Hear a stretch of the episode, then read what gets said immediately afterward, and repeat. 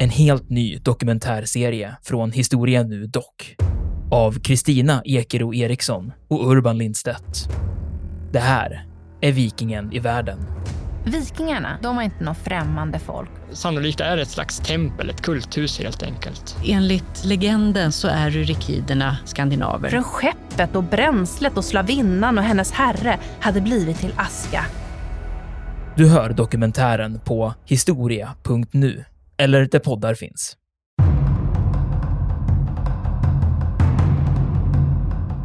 Nej, men att det som jag tycker är spännande med den här grekiska krigföringen, det är ju att man, eh, det finns ju en, en, en brittisk eh, militärhistoriker som är en av de främsta, som heter John Keegan, som jag har resonerat väldigt mycket kring. Vad är det som, som, ut, vad är det som utmärker den västerländska krigföringen? Och en sak han pekar på, det är ju den här hoplithopen som kommer med hoplithopen och att man, disciplinen.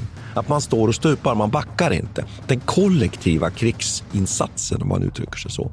Eh, och den är ju spännande och den bygger just på den här en-vingen. Att man, att man helt enkelt möter i man, men man håller ihop. Men att det inte bara är man mot man nu, utan det är också att det blir att man ingår i information och genomför striden disciplinerat i information.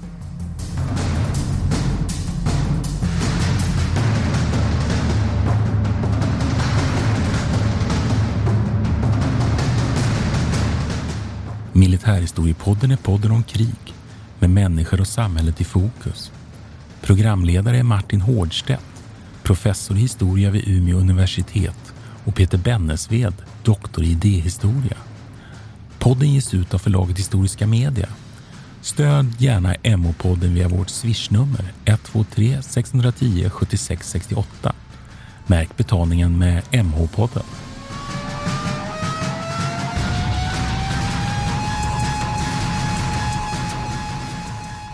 Välkommen till eh, Militärhistoriepodden. Det här är Peter Bennesved.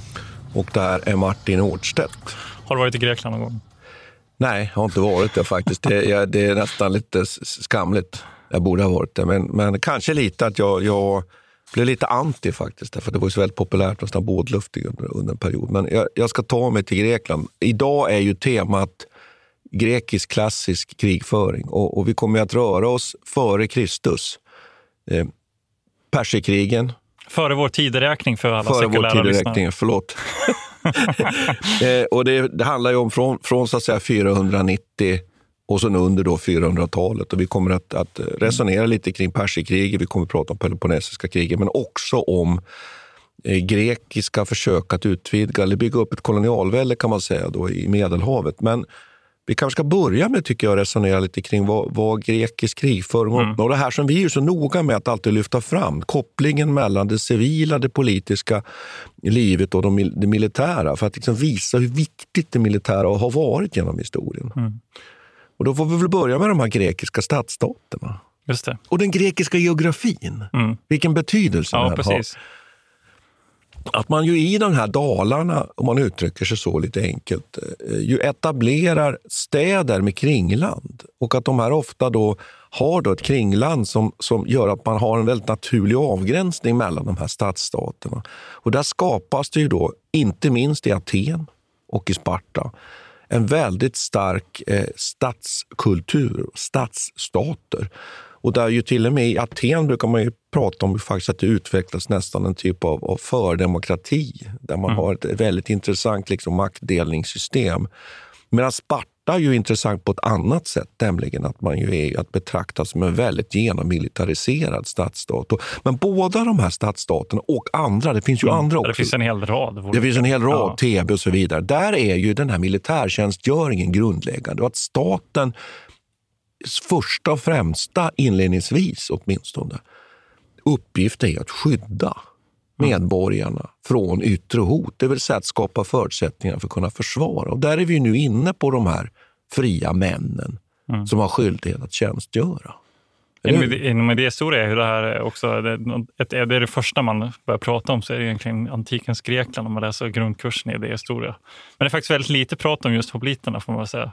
Just det, nu, var det, nu nämnde du ju det här. Ja, Hopliterna. Men, ja. Mm. men det är ju men eh, det, det är deras, eh, deras liksom den här organisationen, hur man organiserar städerna, är ju någonting som man debatterar väldigt mycket förstås. Mm. Men man kan ju eh, lägga till här att det är väl ganska olika också. De här stats, stadsstaterna utvecklas ju på väldigt olika sätt och de har väldigt olika sätt att hantera hopliterna också. Aten Mm. blir ju kända på, på det viset. De har en tvåårig slags värnplikt Ja, under den här tiden. Medan i Sparta så är de ju i princip soldater på heltid. ja då, under hela sitt liv Ja. ska de egentligen kunna på olika nivåer eller olika Exakt. utsträckning kunna ingå Och det, i... ja. Precis, och det beror ju på hur de här staterna är organiserade i övrigt, så socioekonomiskt. Att Mm. Aten är ju eh, en demokrati under långa, långa perioder och där alla förväntas också bidra till det här odlingsprojektet som hela tiden pågår, alltså understödja liksom, I kringlandet, Ja, kring kringlandet, staden. precis. Mm. Eh, och Medan i Sparta så har man då ett slags trälsituation, eller då har det som jord... Heloter. Ja, exakt. Ja, slavar helt enkelt. Ja, de är, är på sätt och vis. De är ju slavar, men de är, de är ju fria på ett sätt att de kan sköta sina egna eh, gårdar och det- hur de nu organiserar sig. Men de är ju inte de är ju bundna till jorden på något vis. Och ska producera ett Ja. överskott. Exakt, så att, och det där överskottet är ju viktigt. Är, Ja. Man kan ju eh, säga också att ur- om man tittar ännu längre bak i tiden så befinner vi oss nu i perioden egentligen övergången från bronsåldern till järnåldern. Mm. Så det är en liksom ganska stor teknologisk revolution som pågår. Och att man har nya sätt att, eh, så att säga, odla och effektivisera jordbruk och sådana saker som också bidrar till, till att man har en möjlighet till det här överskottet. Mm. För när man får överskott i en civilisation så det är möjligt att organisera en stat på det här viset som vi ser. Och där är ju militären väldigt viktig. Ja. Och Sen kan man ju lägga till att man ju ofta då kan också börja, om en inom citationstecken, avlöna eller försörja också till exempel religiösa funktioner och upprätthålla kulter Exakt. och sånt.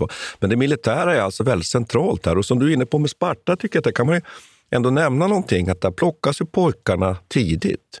Och att egentligen hela, hela familjelivet handlar ju om att, att producera soldater. Och där man ju hela tiden är under massiv träning. Och det gör ju att de här spartanska herrarna har väldigt välövade trupper. Det betyder inte att de alltid är framgångsrika och vinner alla krig. Men att Sparta är ju ett, ett väldigt tydligt exempel på en, på en krigarstat.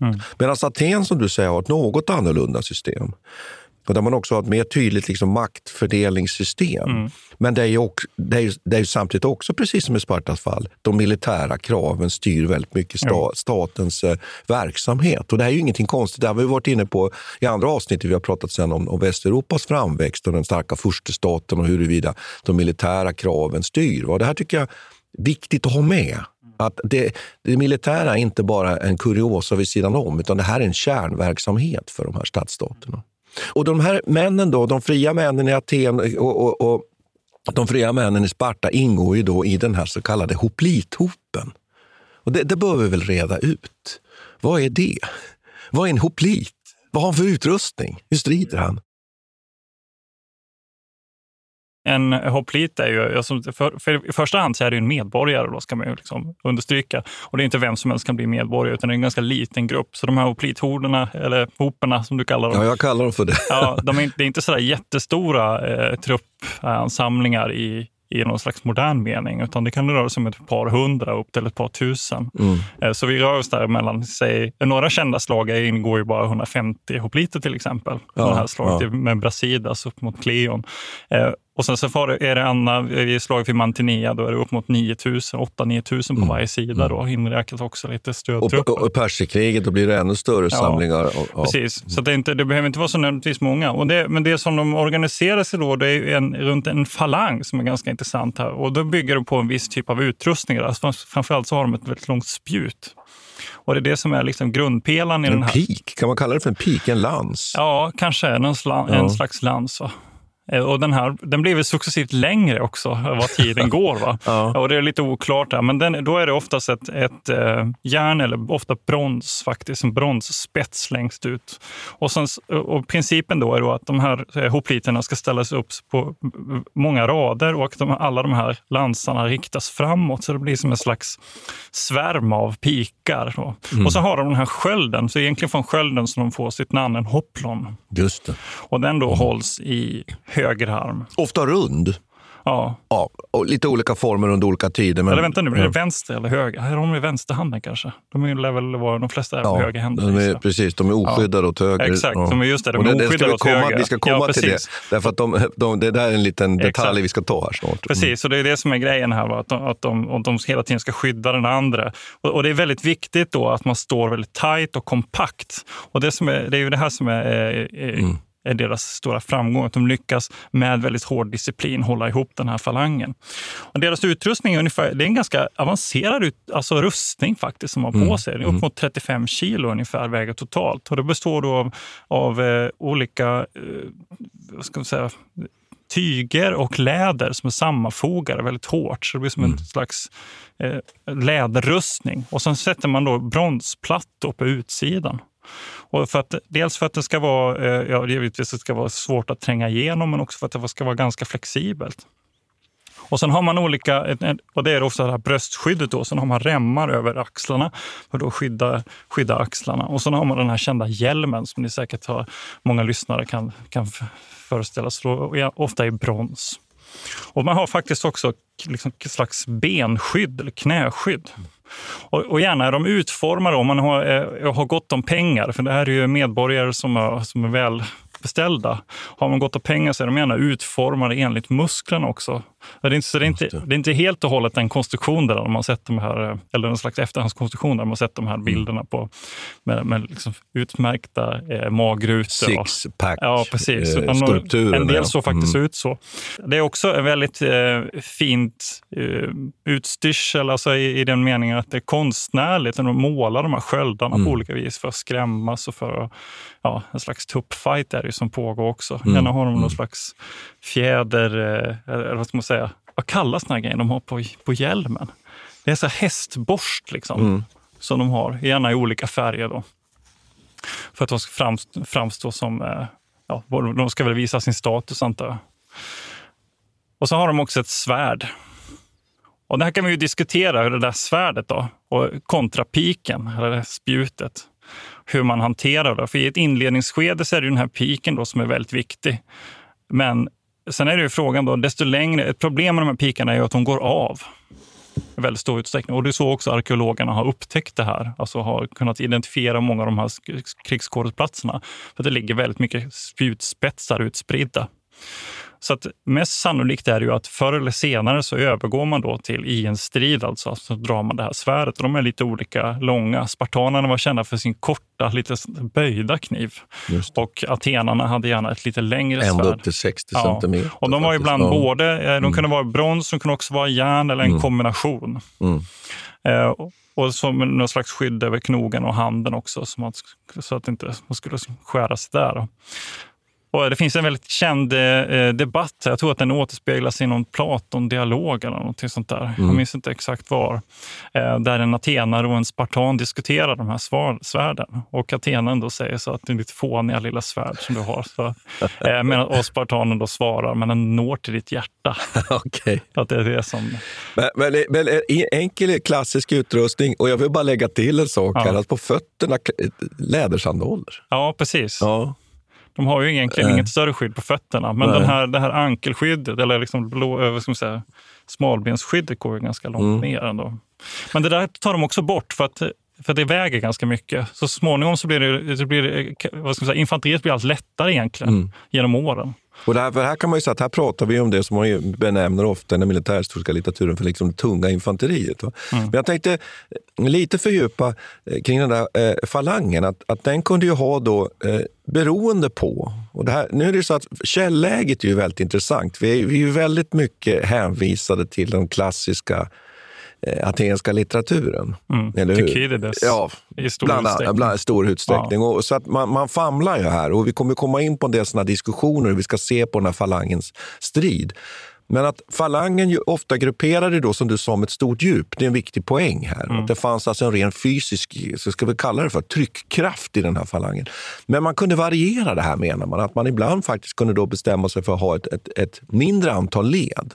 För att man, om man ville sträcka ut formeringen. Och att hoplitopen också var ganska sammantryckt därför att ytorna man kunde så att säga manövrera på i den här grekiska geografin, återigen då geografin, var ganska eh, liten. Eh, och, och, Sen kan man också säga att den här falangen utvecklas ju så småningom och vi ska inte komma in på det, men den landar ju sen så småningom i den här enorma makedonska falangen och Alexander den store. Men att också pikarna ju restes upp i de bakre leden för att också fånga upp spjut och pilar och sånt där. Okej, som ett slags, som ett eh, slags skärmskydd. när det liksom. här Ja. utvecklas då Ja. så småningom. Så det kan man ju lägga till här. Och sen kan man tycka då så här, hur var den här att manövrera nu då? Mm. Var det så att hade man ställt upp den här, vi har ju varit inne lite på det här faktiskt när vi pratade om Gustav II Adolf och, och, och eh, att han ju hade en lättare eh, formation vilket gjorde att de här peak, tunga, pika, spansk, peak, tunga spanska formationerna, de liksom ställde man upp och sen stod de där. Var det likadant? Nej! Troligtvis är det så att de hade en, en, en tämligen god förmåga att manövrera den här falangen, åtminstone den här klassiska grekiska falangen. Och särskilt spartanerna övade i att till och med göra, alltså vända och göra kontramarscher. Och I den här klassiska striden vid- i Thermopylae där man ju håller emot den persiska armén med väldigt numerärt underlägsna, då genomför man sådana här motanfall och reträtter och förflyttningar. Då. Eh, och att också spartanerna eh, var, kunde använda sig till exempel av flankanfall och sånt.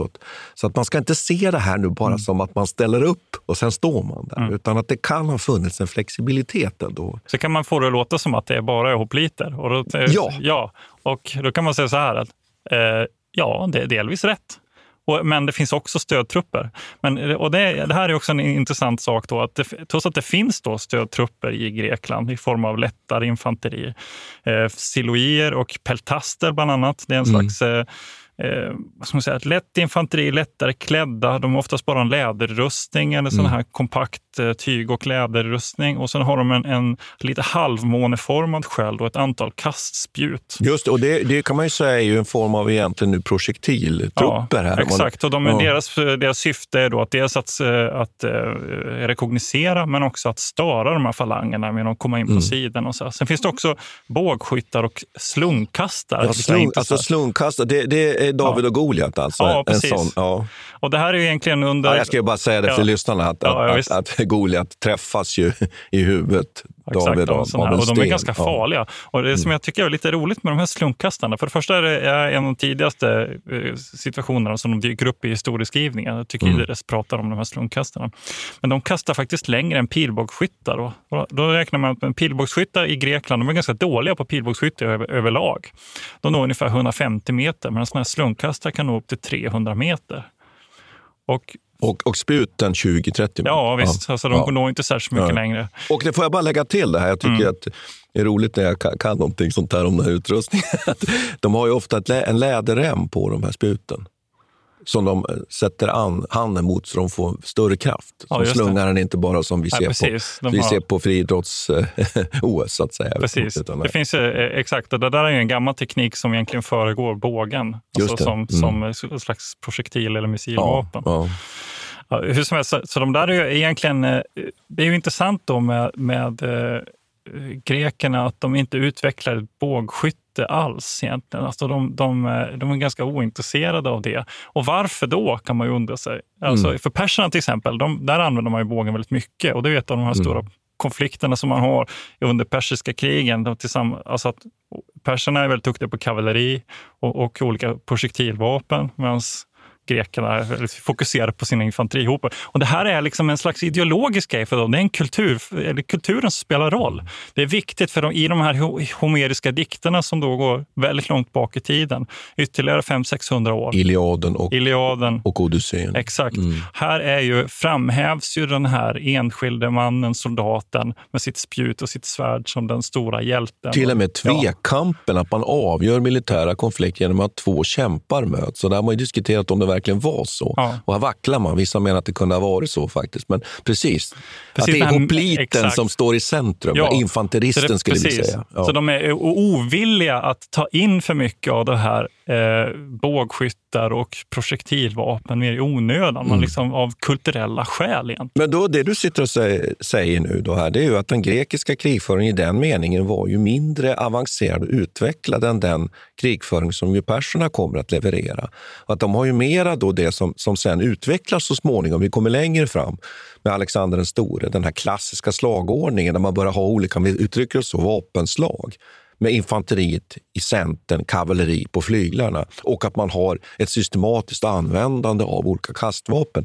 Så det finns inte på riktigt samma Nej, sätt. Här. Exakt, och det här mm. återspeglas ju till exempel i belägringar och sånt. De har väldigt svårt att genomföra belägringar överhuvudtaget. Så under till exempel Peloponnesiska kriget när spartanerna då rör sig upp mot Aten mm. så belägrar de i, regel egentligen inte själva staden utan de belägrar de omkring, alltså själva odlingsmarkerna runt omkring och försöker störa den atenska resursförsörjningen. Ja. ja. Mm. Och de kan egentligen inte gå upp och möta för de har inte så mycket sån, den typen av projektilvapen. De har inte katapulter i någon större utsträckning. Mm. Det där utvecklar man sen över tid. Va? Och så eh, Alexander mm. vidareutvecklar det här också. Men de är, och, och det, är också, det, det ligger ju i det ideologiska, kulturella, att man vill mötas på öppet fält. Att ja. man ska få den här tvekampen, avgörandet. Ja, och, och då, tänkte, då skulle jag gärna vilja, vilja säga det innan vi faktiskt... Vi måste ju kommentera lite kavalleriet och lite sånt. Ja, exakt. Så, vi, det var nästa. Bara ta, ja, bara säga, att, nej, men att det som jag tycker är spännande med den här grekiska krigföringen, det är att man, eh, det finns ju en, en, en brittisk eh, militärhistoriker som är en av de främsta, som heter John Keegan som jag har resonerat väldigt mycket kring. Vad är, det som, som ut, vad är det som utmärker den västerländska krigföringen? Och En sak han pekar på det är ju den här hoplithopen som kommer med hoplithopen och att man, disciplinen. Att man, står och, och, att man står och stupar, man backar inte. Den kollektiva krigsinsatsen, om man uttrycker sig så. Eh, och Den är ju spännande och den bygger just på den här en-vingen. Att man, att man helt enkelt möter i man, men man håller ihop. Men att det inte bara är man mot man nu, utan det är också att det blir att man ingår i information och genomför striden disciplinerat i information. Och det är ju någonting som, börjar, som sen kommer att utmärka västerländsk krigföring när man sen möter andra kulturfolk så småningom. Vi var inne på det här när vi pratade om, om korstågen bland annat den arabiska krigföringen såg lite annorlunda ut. Så det tycker jag är viktigt att komma ihåg att här sätts då en av de här viktiga pusselbitarna i den västerländska krigföringens utveckling, disciplinen. Jag får lite gåshud nu. Ja, faktiskt. Ja. ja. Eh, och sen skulle jag vilja säga det då, att, att den här falangen kompletteras ju sen så småningom. Det börjar med bara så att säga falangen, eh, de lätta trupperna. Och att de, de här lätta trupperna då jobbar, som ut, kan man uttrycka sig lite här nu, då, framför den här tunga falangen, kastar, mjukar upp motståndaren. Eh, det är det vi ser sen faktiskt till och med under napoleonsk krigföring. Mm. Faktiskt fransmännen använde sig av lätta trupper. Fram. Men sen kavalleriet, och där har man ju en stor teknisk tillkortakommande, att man ja. inte har stigbygeln. Och det gör ju att det här kavalleriet har ju en begränsad användning, men det utvecklas då det finns. Mm. Och där man ju både använder sig av, av liksom idén att man, man rider fram och kastar ett, ett, ett, ett kastvapen. Eller att man naturligtvis slåss då med, med nätpiken. Då, då vill jag utmana lite, för det ja. här är den här gamla Lynn White-idén om stigbygeln som är den ja, typ teknikhistorisk klassiker, att det är stigbygeln som liksom förändrar krigföringen under medeltiden.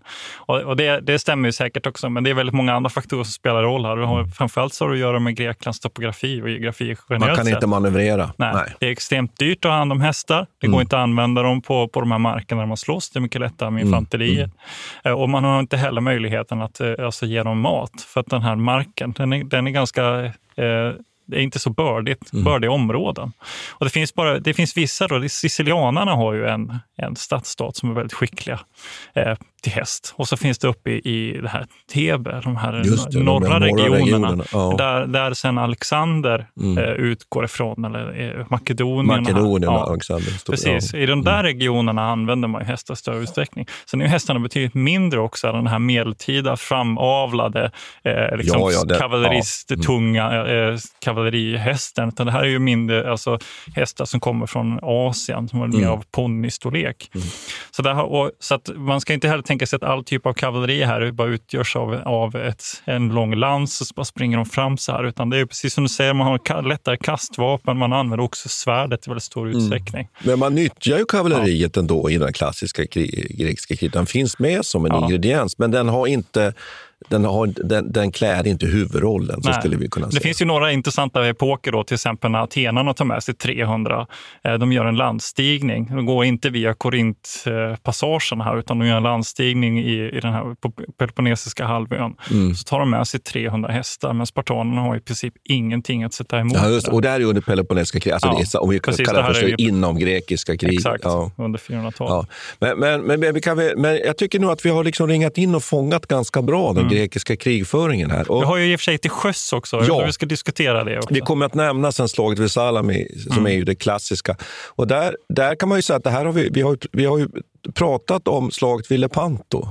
Och det här är ju egentligen ett, jag menar, bara helt enkelt pri- primitivare rodfartyg, skulle man kunna säga, som egentligen inte lämpar sig för att segla med ute på på havet om man uttrycker sig så, utan som, som ju är väldigt kustnära fartyg med, med klassiskt då med, med den här rammen längst fram som man, man försöker då att ramma motståndare med. Och också, eh, men att äntringskrigföringen är i mindre utsträckning utvecklad, inte på riktigt samma sätt. Va? Så det är helt enkelt bara ett primitivare sätt att, att, att, att, att kriga eh, till sjöss, men som naturligtvis har, har en betydelse och så får väldigt betydelse. Atenarna kan man väl säga var sjömakten här och har en större flotta, medan Sparta egentligen kan man väl uttrycka sig nu för att generalisera var landmakten. Mm. Åtminstone till en början var det till en så. början i Mm. alla fall. Va? Så att, jag vet inte, ska vi säga någonting mer? Ja, man kan säga så här, att, det som, eh, att, att eh, till sjöss så beter sig atenarna också, eller den grekiska eh, sjökrigföringen beter sig ungefär på samma sätt som man i falangstilen. Alltså att man har en väldigt tajt formation med de här skeppen. Och man rör sig fram i någon slags fyrkant liksom, och väldigt tajt och nära. Och taktiken är ju ofta att man ska försöka immobilisera de andra motståndarens skepp genom att till exempel bryta av åror och sådana här saker.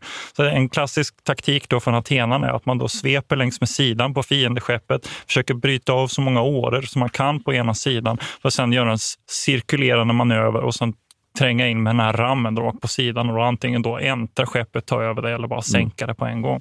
Så, så att, och, och de är ju hela tiden, det är ju en slags amfibieoperation egentligen mer än vad det är liksom sjökrigföring. För de är alltid nära kusten och helt beroende av att det finns landtrupper på sidan som kan understödja dem med, med vatten framförallt. Och det är, ju, det är ju det här, det är just slaget vid Salami då 480, det är ju där som atenarna, trots att man har fått lämna sin stad och perserna har tagit Aten, så lyckas man ju då knäcka den persiska flottan.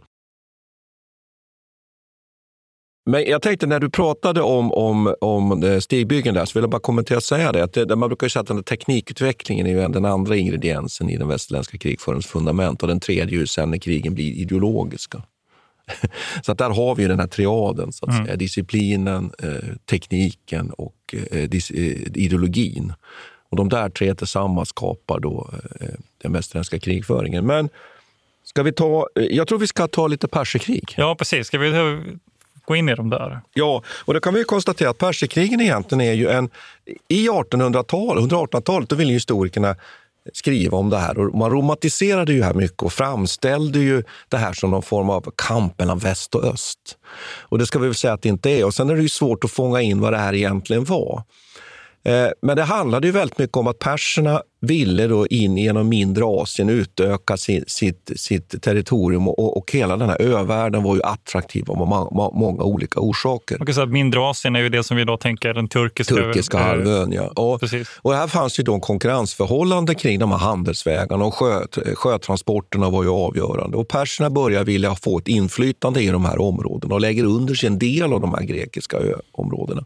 Och sen uppstår det då upprorsrörelser mot de här persiska härskarna som sen utvecklas till då två stycken egentliga perserinvasioner av den grekiska, får man säga så, fastlandet kan man ju uttrycka det. Då. Och den första då 490 eh, eh, som ju först inledningsvis går ganska bra för, för perserna. Eh, men som ju utmynnar så småningom i då slaget vid Maraton. Man landstiger på en plats nära Maraton. Man inleder med att anfalla eh, några mindre grekiska stadsstater. Sen bestämmer man sig för att gå på Aten. Då landstiger man nära en stad som heter Maraton. Och där möts man ju och besegras av en atensk armé. Och det blir ju så klassiskt detta slag. Intressant är ju där att, att Sparta, spartanerna hinner inte ikapp. De hinner inte ikapp eh, den atenska armén som redan är under marsch. De får meddelande för, för sent för att kunna delta i slaget. Och det här blir väldigt betydelsefullt därför att Aten blir, får ju en väldig boost. Får, Vinner ju väldigt mycket prestige genom de här segrarna. Jag vet inte, vi, vi, man kan väl ta några saker när det gäller tycker jag, slaget vid maraton som är intressant. Och den är ju just den här, hur, hur gick hoplithopens strid egentligen till? Och här finns det lite olika sätt att se på det. Och en, ett sätt att se på det, för det är ju nämligen så här att eh, den grekiska falangen anfaller ju den här persiska hären som har stigit till land. Eh, och när man gör det, man marscherar fram mer drygt än en kilometer. Och det har Mandela menat då att man, man helt enkelt springer. Och det har man då underkänt att det är helt omöjligt. För det är viktigt att falangen håller, mm. Håller formationen. Och sen skulle det varit en fysisk ansträngning som inte var möjlig. Utan de flesta menar ju att falangen rör sig fram mot den persiska armén och när man blir ut, kommer in, kommer så att säga, vi skulle uttrycka modern krigföring under eld från spartanska kastvapen. Då du menar persiska? Per, förlåt, persiska. Mm. Då gör man en snabb, snabb förflyttning framåt, alltså i halvsprångmarsch med den här falangen. Eh, och då visar det sig sen här då att, att och det, det är väldigt svårt att tolka källorna här, om det var medvetet eller inte. Men det som sen händer är att perserna bryter ju igenom i mitten och grekerna lyckas göra en dubbel omfattning som inte blir total, men nästan. Vi är ju vana vid det här vi kan, slaget vi kan, sen så småningom Hannibals dubbla omfattning på romarna. Men det är det som händer. Men det jag skulle vilja diskutera lite är när den här falangen då möter en annan falang. Mm. Eh, ska vi se det här som en rugbymatch? Ja. att det är sköld mot sköld? Ja. Som, är det så vi ska se på? Ja, att man liksom men... försöker komma åt motståndaren och ibland kanske till och med är så att den, den sida som inte orkar längre och faller bak, den förlorar. Eller ska vi se det som att de stannar upp? Ja. Ja, nu är vi inne i, i spekulationens värld, ja. kom ihåg. Men jag tycker... vi, vi, vi, går, vi, vi, ja. vi, vi, vi lutar oss ju mot en litteratur. Så, ja, så jo, precis. Nej, men det är det här som... Det, det, jag, jag ska inte säga allt för mycket om var jag får min, får min information. Då. Men det finns ett antal, alltså det här var bara rent slumpmässigt så satt jag och kollade på någon ganska eh, tråkig, eller intressant video, men av den här lite enkla slaget som man kan mm. hitta på, på sociala medier. Och då var det en Cambridge-professor där som pratade om, han kommenterade på olika filmer som produceras i Hollywood då, och hur de framställer antik eh, krigföring. Uh-huh. Och då sa han, så av en slump då så kom han in på just den här den här typen av strider. Med, Rugbymatchen. Ja, och då, mm. då kommenterade han så sa han så här, ja, det, under lång tid så trodde man ju då att, att, de här, att det var en slags um, shoveling contest, vad han använde mm. ordet, att man liksom i princip försökte putta varandra fram och tillbaka, mm. att de här formationerna stod som två kolosser och tryckte sköld mot sköld. Och då menade han att det var en, en Cambridge-professor under 60-70-talet som var väldigt, väldigt intresserad av rugby och som mm. gjorde den här tolkningen eh, lite utifrån sina egna förutsättningar. Så att säga. Men att det är kanske mindre sannolikt igen egentligen. Men jag vet inte, om du, om du själv skulle vara en hoplit här nu Martin, då skulle mm. du stå där med din sköld och sen har du ett gäng spjut eller vad vi nu ska kalla det, lansar liksom vid din sida där. Mm. Eh, skulle du verkligen eh, tänka att man vill ändå utnyttja den där räckvidden? Inte skulle man bara ställa sig direkt nej, sköld nej. mot sköld. Alltså. För då blir du ju inom räckvidd också för, för motståndaren på ett annat vis. Mm. Jag vet inte, jag, jag, jag håller lite, jag håller lite ja. osannolikt att det ska gå till på det viset. Men det, det vi vill öppna upp för här, och så, mm. som, som lyssnarna också förstår, att ibland vet vi faktiskt inte exakt hur saker till. Och det tycker jag är viktigt att markera. Man kan tänka sig då att man stannar upp en bit från varandra och använder de här eh, sputen för att hålla sig hålla lite avstånd. Det är ju en annan tolkning. Och att det är ju där också sen man börjar utveckla de här kastvapnen. För hur kommer man åt motståndaren? Jo, man håller den på, på på avstånd och sen använder man kastvapen. Mm. Eller så tänker man sig att man kommer lite närmare varandra. Och Det man söker då är ju helt enkelt så att man börjar ju lära sig här, liksom det här med kraftsamling och att, att, att anfalla där man ser att motståndarens falang är lite uppluckrad. Det kanske är så att terrängen gör att den börjar hamna mm. lite på sniskan, det blir en öppning, man kan komma in och Det som ju romarna är så skickliga på sen så småningom, just att bryta in i falangen och sen med sina stickvapen helt ja. enkelt gå, man, och gå motstånd på livet. Så Det är så jag tror vi ska se se på, på, på den här striden. Men det, det, är ju, när, det är ju ja. närkamp i alla fall. Jag antar att förmågan att, att lösa det, för förr eller mm. senare så måste det här också gå till en slags man mot man-strid. Ja. Och så desto, längre, desto längre de står mot varandra och gnager, va? till slut så måste det bli bara det här svärdshugg mot varandra. Ja. Men också förmå- alltså, det avgörande måste vara då förmågan att, att hålla ihop det här, att kunna backa ihop och sätta ihop igen. Ja, det är ju disciplinen här nu återigen. Precis. Och att egentligen är det den främre linjen egentligen som som är aktiv. Den mm. bakre fyller bara på den främre hela tiden. Mm.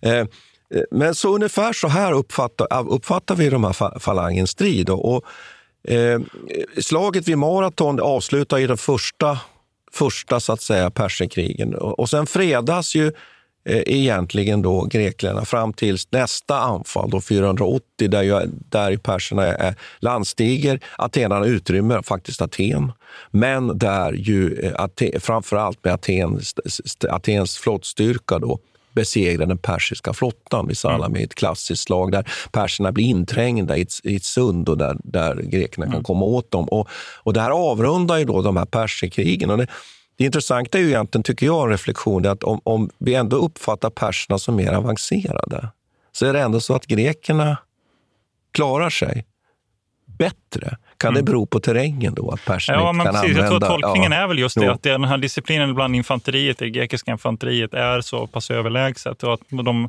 helt enkelt accepterar här efter, efter perserkrigen att eh, det kommer man aldrig kunna, man kan inte matcha det. Det är väldigt vanligt sen framöver att man faktiskt hyr, eh, hyr in då, eh, grekiska legoknektar på den persiska sidan för att på något vis kompensera för det här. Så att, eh, absolut.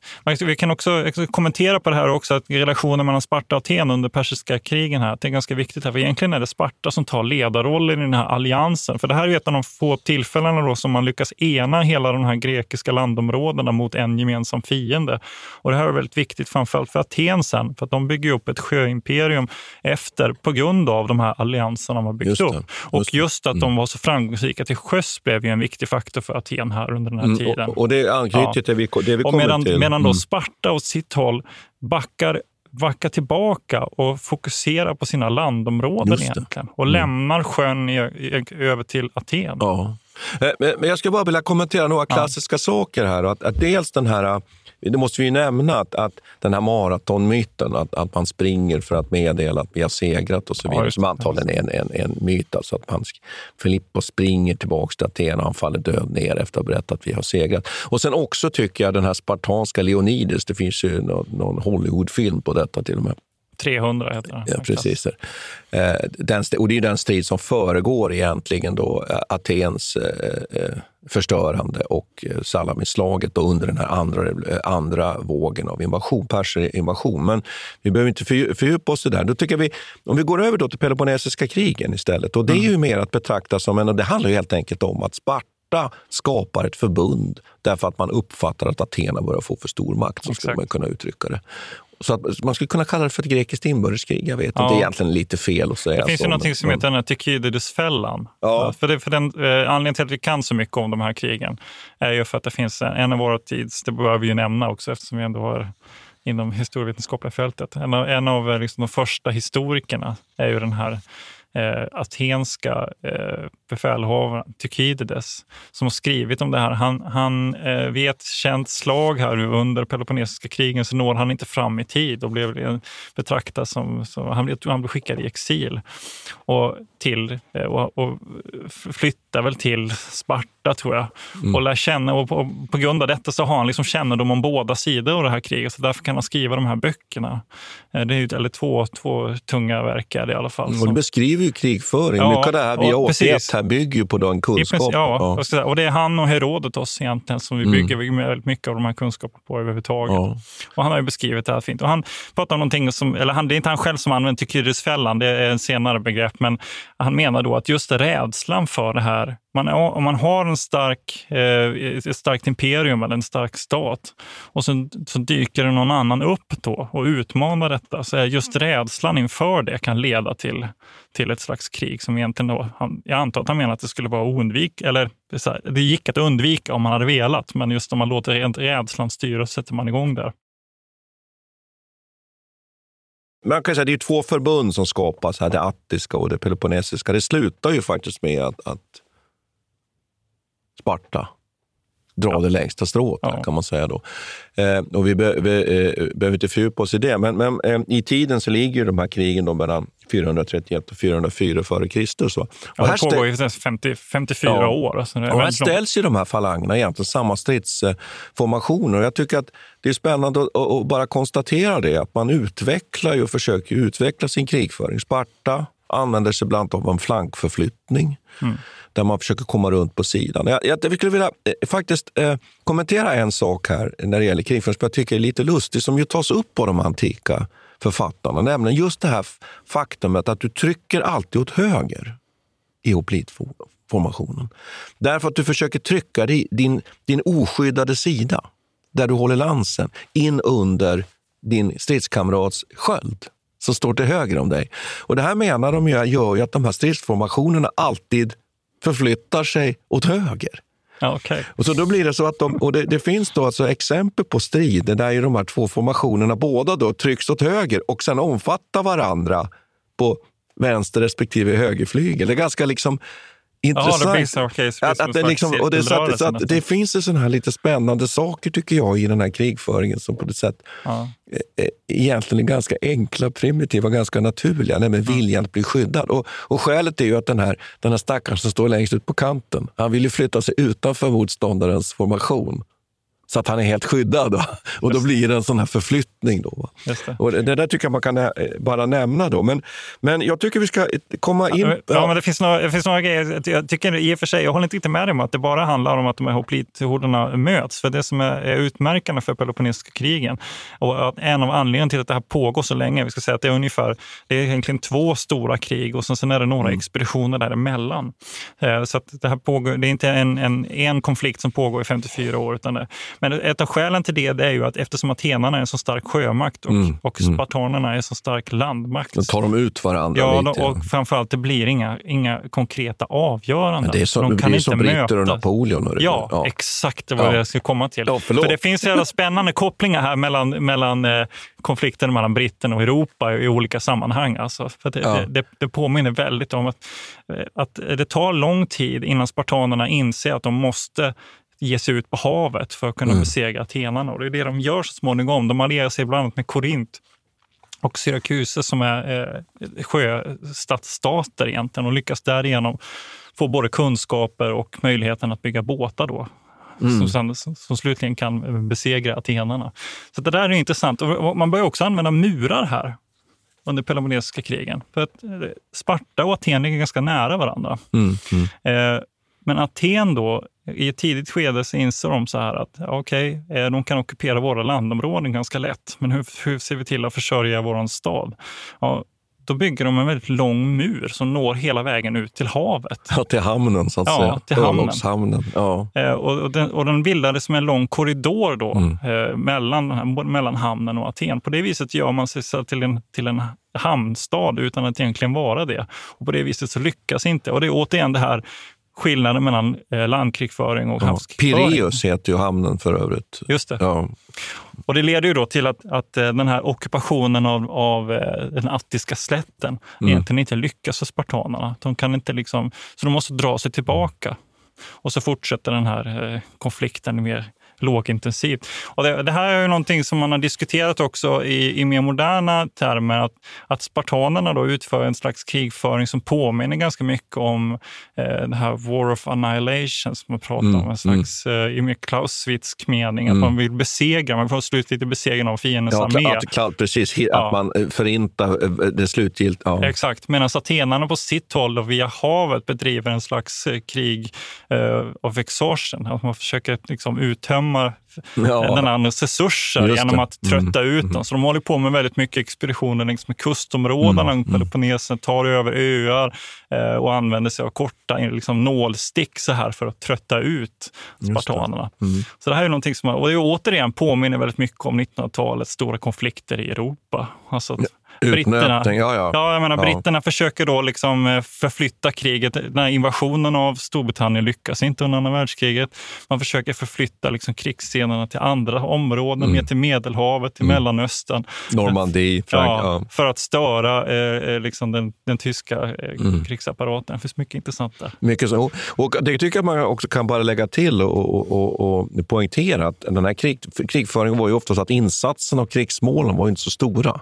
Så det gjorde att ett nederlag, ett slag, gjorde inte att man förintades ja. alla gånger. Utan, eh, eh, utan att man ofta kunde återhämta sig. Men, men, eh, det finns dock däremot en sån där, eh, som där, där verkligen är Mm. Antagligen är början på slutet för atenarna. Mm. Och det är den här expeditionen till Sicilien. Just det. Och, och vad är bakgrunden till den? då? För här nu plötsligt utökas ju kriget egentligen till kring Medelhavet. Ja. Där, ju, där ju Athena försökte, vad säger det, försökte bygga upp ett kolonialvälde beroende ja. på att man är intresserad av handel i utbyte. Ja, men det, är så här, det här sker ungefär i mitten av, eller mellan första och andra eh, Peloponnesiska kriget. Så man har egentligen slutit ett fredstraktat med Sparta. Mm. Eh, men så, så märker spartanerna då att, att eh, Aten hela tiden försöker undergräva den här Peloponnesiska förbundet, där Sparta leder, att de försöker undergräva det hela tiden. Så det, mm. det, här, så, så, återigen så, så, startas en konflikt.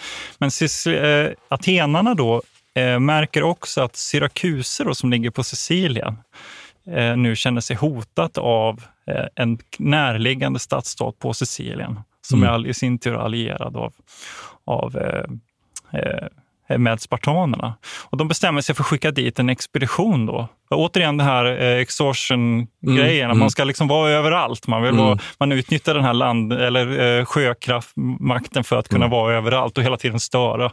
Så man bestämmer sig för att, eller man vill då, för det kommer upp förslag i deras eh, demokratiska eh, styret, så här, att vi ska, liksom, ja, vi ska skicka dit 20 båtar. Och då finns det en, en, eh, en statsman som heter Nick, eh, jag tror att han heter, vad fan heter han? Skitsamma. Det finns en grekisk statsman där i alla fall mm. som är väldigt emot där. Han tycker han inser att det här kommer vara början på slutet för atensk eh, förmåga att slutföra det här kriget. Så han säger att vi måste skicka mycket mer om det ska lyckas. Tänk att det ska vara avskräckande. Mm. Men då i Aten så är stämningen precis tvärtom. Så man, bygger, man utvidgar den här flottan från, från 20 skepp till 200. Oj. Han bygger mm. upp en enorm armada egentligen och mm. tar med sig 5 000 hopliter till Sicilien. I princip tömmer liksom sina mm. resurser i stor utsträckning mm. för att skicka dit det här. Och, och den här lilla stadsstaten som har känt sig hotad, det visar sig att de kunde inte alls betala för den här som de hade utlovat.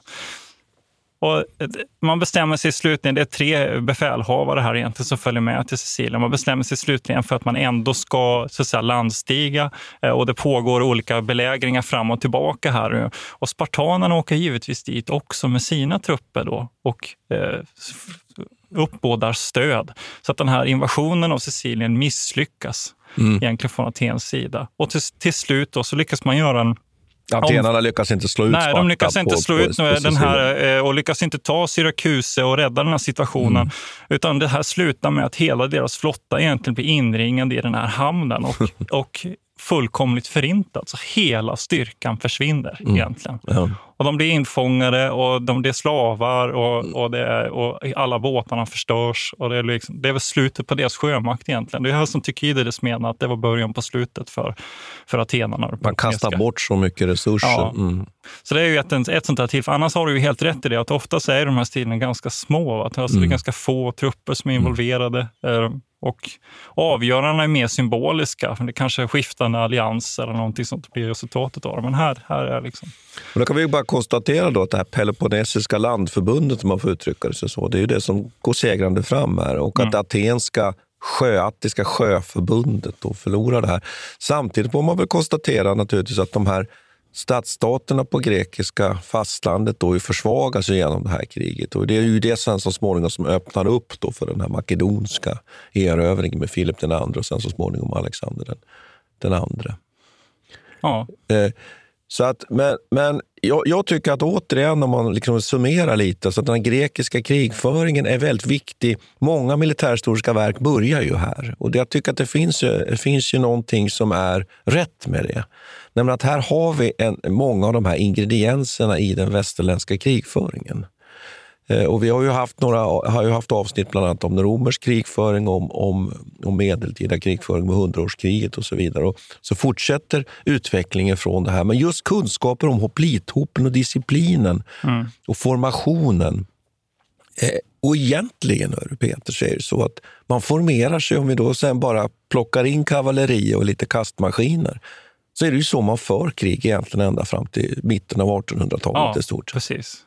Och jag tycker att det är en intressant sak med det här som jag, det här har jag inga som helst fog för. Men jag får också intrycket av, eller rättare sagt, det är frågan om det är hönan, ägget här. hönan eller ägget. Alltså, bilden av de här krigen, Persien, eh, persernas invasioner, Peloponnesiska krigen, eh, Alexander och allt det här.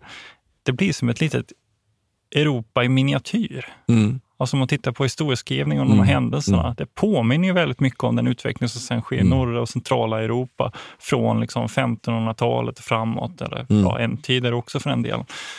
Och, jag undrar om det är, någonting som vi har läst in i historien. Alltså att man har tittat bakåt och Ja. sett liknande Ja. strukturer. Eller eh, om det är så bara att man... Att det verkligen var Att så. det verkligen var Mm. så. Jag tror att Mm. mycket av intress, intresset för antika Greklands krigföring och den här Mm. perioden ligger i just där. Mm. Att det är så, så likt. Det är bara mindre skala allting. Mm. Det är mindre soldater, mindre stadsstater, mindre människor. Eh, Men i övrigt så det, finns det väldigt mycket likheter. Mm. Men, men du, jag tror vi avrundar där och konstaterar att vi, vi har klarat av lite klassisk grekisk Ja, men krigföring. jävla spännande. Ja, det var det. Och nästa gång återkommer vi här nu under sommaren. Hoppas att ni hå- håller ut och lyssnar på våra podcast. Så är det ju någonting helt annat får man ju säga. Ja. Oktoberkriget 73. Israels eh, försvarskrig mot arabstaterna. Ja, det ska bli roligt att diskutera. Det ska det bli. Hörrni, eh, tack på återhörande. Tack ska Ja, vi ha. Tack ska vi ha. Vi tackar Peter Bennesved och Martin Hårdstedt. Kontakta gärna Militärhistoriepodden via mejl på militarhistoriepodden historia.nu. Peter och Martin vill gärna få in synpunkter och förslag till programidéer.